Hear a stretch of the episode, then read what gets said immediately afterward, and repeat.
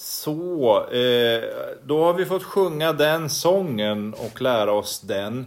Eh, det blir ingen jättepredikan idag, utan eh, jag försöker att hålla det lite kort med tanke på årsmötet som kommer om en liten stund. Och som jag vet att ni längtar efter att det ska börja. Men vi börjar i ordet för det är viktigt. Jag vill dela några tankar med dig och jag ska läsa den gammaltestamentliga texten för den här söndagen. Eh, Andra kungaboken, det femte kapitlet och berättelsen om Naman. Och då kanske du får någon sån här liten déjà vu, för att det var faktiskt inte så länge sedan jag predikade över den texten. Det var i höstas någon gång. Eh, men jag kommer att ha en lite annan ingång och vinkel på texten idag och det är ju det som är så fantastiskt med bibelordet. Att du kan använda samma text och Herren talar till dig från olika håll. Det tycker jag är fantastiskt. Vi läser Andra Kungabokens femte kapitel, den nionde versen och framåt och du är som sagt väl bekant med orden. Så kom Naman med sina hästar och vagnar och stannade vid dörren till Elisas hus. Då sände Elisa ut ett bud till honom och lät säga Gå iväg och tvätta dig sju gånger i Jordan så ska ditt kött bli friskt igen och du blir ren. Men Naman blev vred och for sin väg och sa, jag trodde att han skulle gå ut till mig och träda fram och åkalla Herren sin Guds namn och föra sin hand fram och åter över stället och så ta bort spetälskan.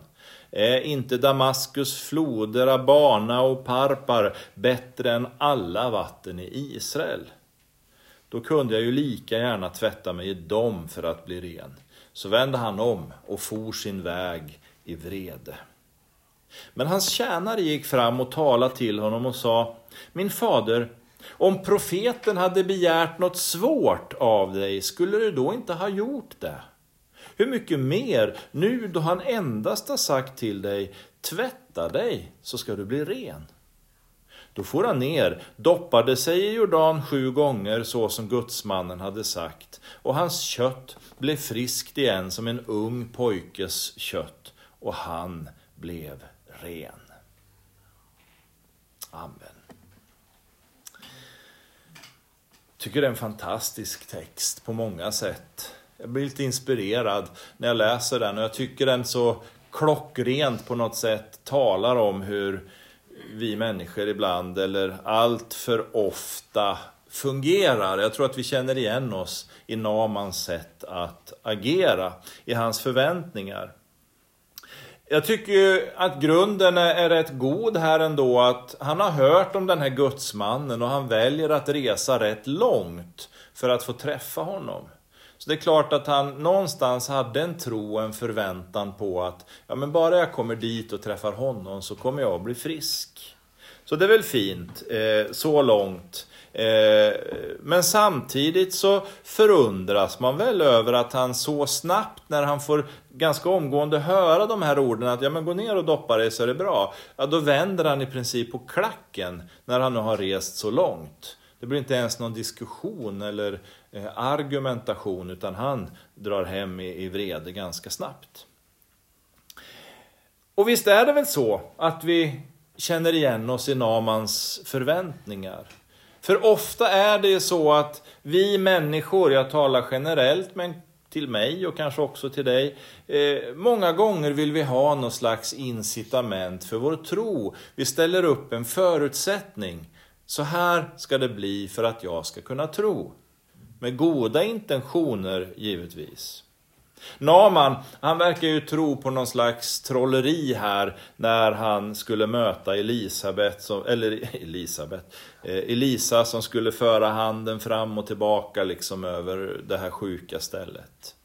Andra kanske vill se eldskrift på väggen, att Gud verkligen tydligt talar om, så här ska du göra i den här situationen ja, vi har olika förväntningar och, och, sätter upp olika tankar kanske för att ja, men bara det blir så där, bara Gud visar det här, eh, stora saker, små saker, vi har lite olika erfarenheter kring det där, men jag har i alla fall gjort så och säkert du också. Motsatsen till det här är ju vad vi läste i inledningen i Johannes evangeliet i det som hände i Kana där efter att vattnet hade blivit till vin. Den här ämbetsmannen som hade en sjuk son. Han var så sjuk att han var på väg att dö. Folket som var kring Jesus vet vi av andra texter, de hade ju alltid stora förväntningar på att Jesus skulle göra tecken och under så att de skulle få tro. De hade sett honom göra vattnet till vin, så de hade säkert tanken här nu att nu ska vi få se ett mirakel när den här sjuka pojken blir frisk.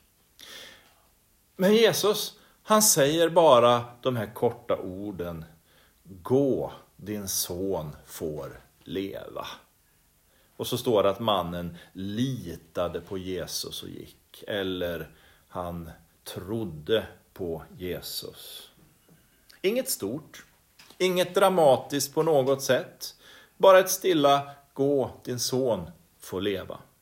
Och mannen trodde och gick hem och när han kommer hem eller på vägen hem så möts han ju av budskapet. Det blev så som Jesus sa att det skulle bli. Sonen levde.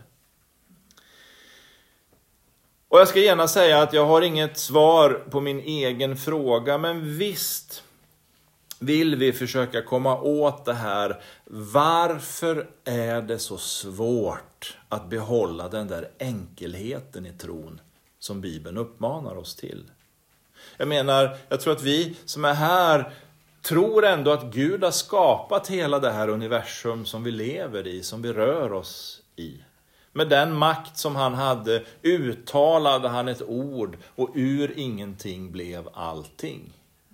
Så det är klart, det borde ju vara den mest självklara tanke att det inte är något annorlunda med Jesu ord. Han är ju universums herre. Och jag tror att det är den tanken vi behöver fånga här idag. Den där lite naiva och enkla tron som barnet många gånger visar, eller möjligen tillit. Jag tänker på det här enkla när man är liten och mamma ropar Kom barn, maten är klar. Det är klart man rusar iväg. För man litar ju på att mamma inte ljuger med det där. Det är klart att maten finns där. Man är övertygad. Så man börjar ju inte argumentera. Är det säkert att du har lagat till maten nu då? Är det säkert att det är dukat så att jag kan komma och sätta mig vid bordet? Eller hur det nu är. Nej, när mamma ropar, eller pappa om man ska vara politiskt korrekt. Maten är klar, kom. Så kommer man, därför att man tror att det är så. Det är ju inte någonting som man krånglar till. Så för att avsluta den här lilla appellen så infinner sig ju frågan då, vad säger Jesus till oss idag? Vi som är här enskilt i våra liv, men också i ett större perspektiv. Vår frälsning och evigheten, i det vardagliga. Och vad säger Jesus till församlingen om församlingens eller gemenskapens framtid? Vi är inte så många som är samlade här, men rent praktiskt och konkret så är det ju vi som är den gemenskap som kallas för Ebenezer Söråker. Och även om ni alla är otroligt vackra så är ni ju äldre än jag, utom en ungdom som sitter där nere. Så att rent mänskligt kanske vi inte har världens bästa förutsättningar. Men frågan är, har Jesus någonting att säga till oss? Och vad är det i så fall?